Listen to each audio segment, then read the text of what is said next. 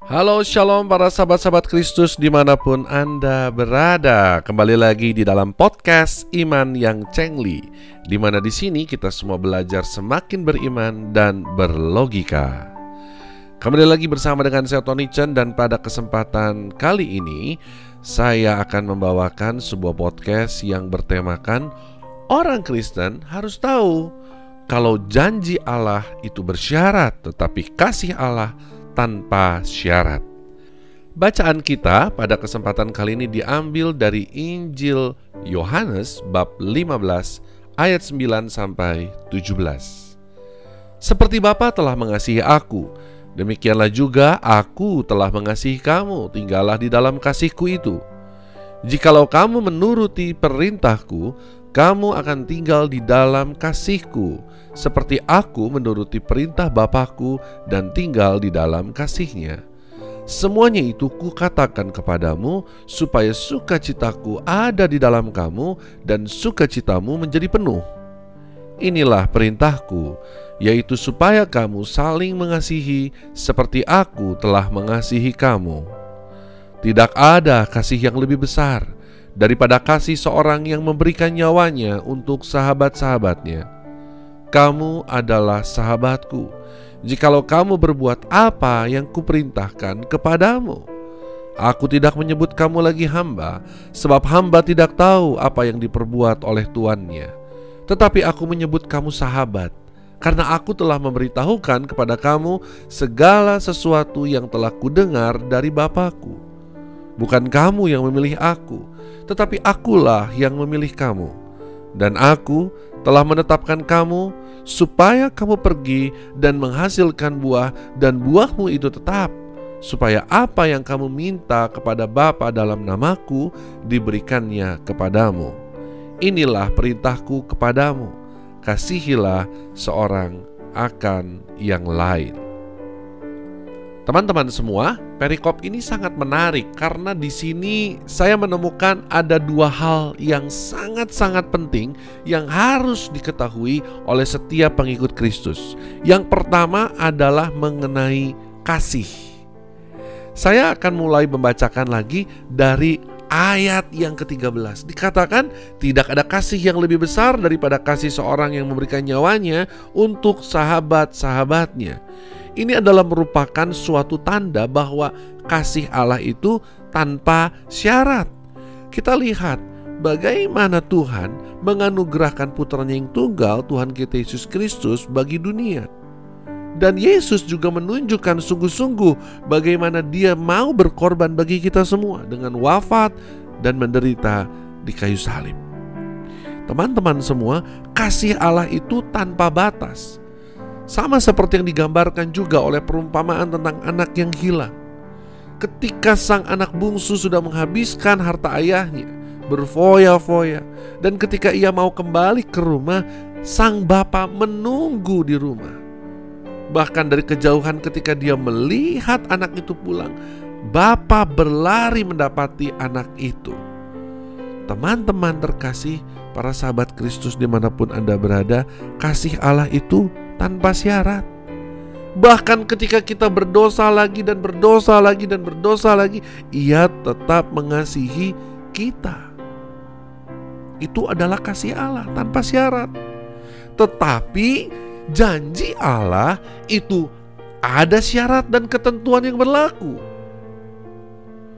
Buktinya di mana?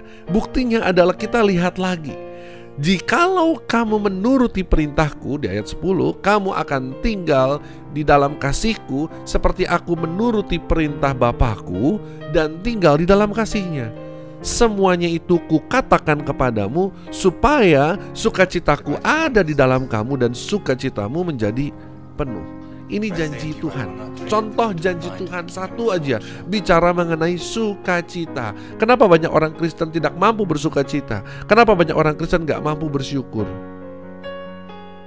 Ini kan janji Tuhan. Seringkali orang Kristen bilang kan, saya sudah mengikuti Yesus, saya sudah berdoa, saya sudah bersekutu, saya sudah ekaristi, saya sudah kebaktian. Tetapi kenapa hidupku jauh dari yang namanya sukacita, selalu duka cita? Eh, sabar. Ya betul, Tuhan menjanjikan sukacita kepada kita semua. Tetapi pertanyaannya apakah kita sudah menuruti setiap perintah Tuhan?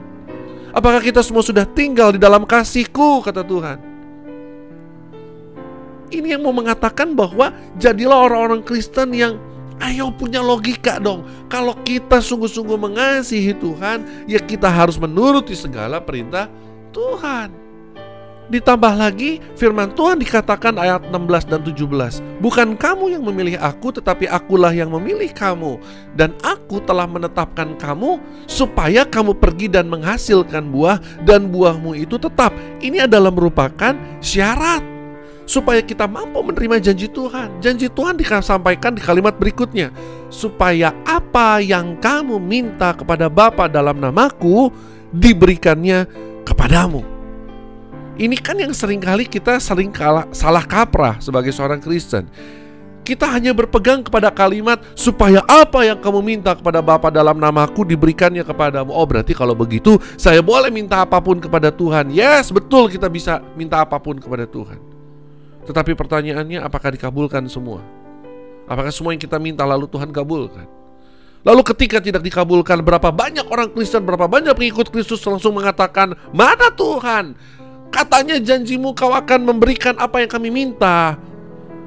Nah, buat saya ini adalah orang-orang Kristen yang mohon maaf ini orang-orang Kristen yang bodoh, orang Kristen yang nggak punya logika, orang Kristen yang nggak paham bagaimana hidup sebagai seorang Kristen yang sejati.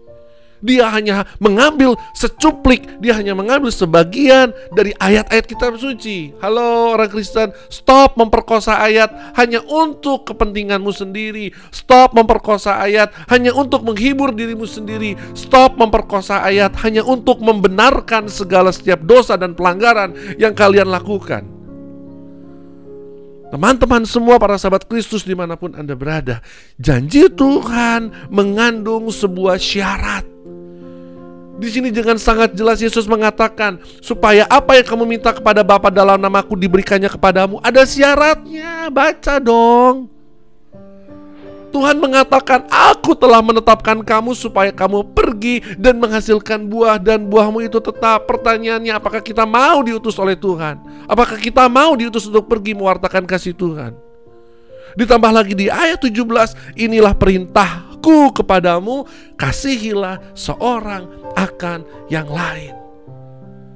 Mau cuman mau mengatakan kalau kamu mau doamu dikabulkan, diberikan oleh Bapa kepadamu, ayo dong taati perintah Tuhan. Perintah Tuhan yang mana? Ini contohnya satu, kasihilah seorang akan yang lain. Apakah Anda sudah bisa mengasihi sesamamu?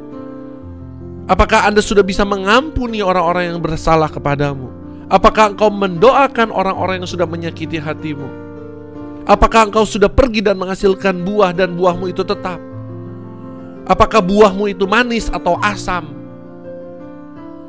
Teman-teman, para sahabat Kristus di mana pun Anda berada, mari kita sama-sama renungkan bacaan ini yang mau cuman mau mengatakan bahwa kasih Allah tidak berkesudahan, kasih Allah tanpa syarat. Walaupun kita sering kali berdosa, Dia tetap mengasihi kita. Tetapi janji Allah penuh dengan syarat dan ketentuan yang berlaku. Tanpa kita sadari, kita sering kali hanya mau memegang janjinya, tapi kita tidak mau menjalankan perintahnya. Kita mau mendapatkan janji-janji Allah, tetapi kita tidak mau taat menjalankan kebenaran, tetapi kita lebih suka melakukan pembenaran dan pembenaran dari segala sikap dosa dan pelanggaran yang sering kali kita lakukan.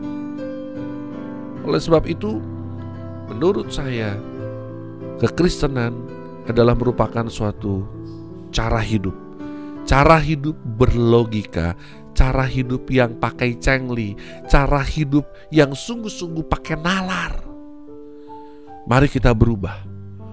Mari kita menjadi pelaku-pelaku firman. Mari kita menjadi orang Kristen yang taat, orang Kristen yang berbuah. Supaya apa? Supaya setiap janji-janji Allah dapat tergenapi di dalam setiap kehidupan kita. Sampai jumpa di episode berikutnya dan mari kita terus beriman dan berlogika.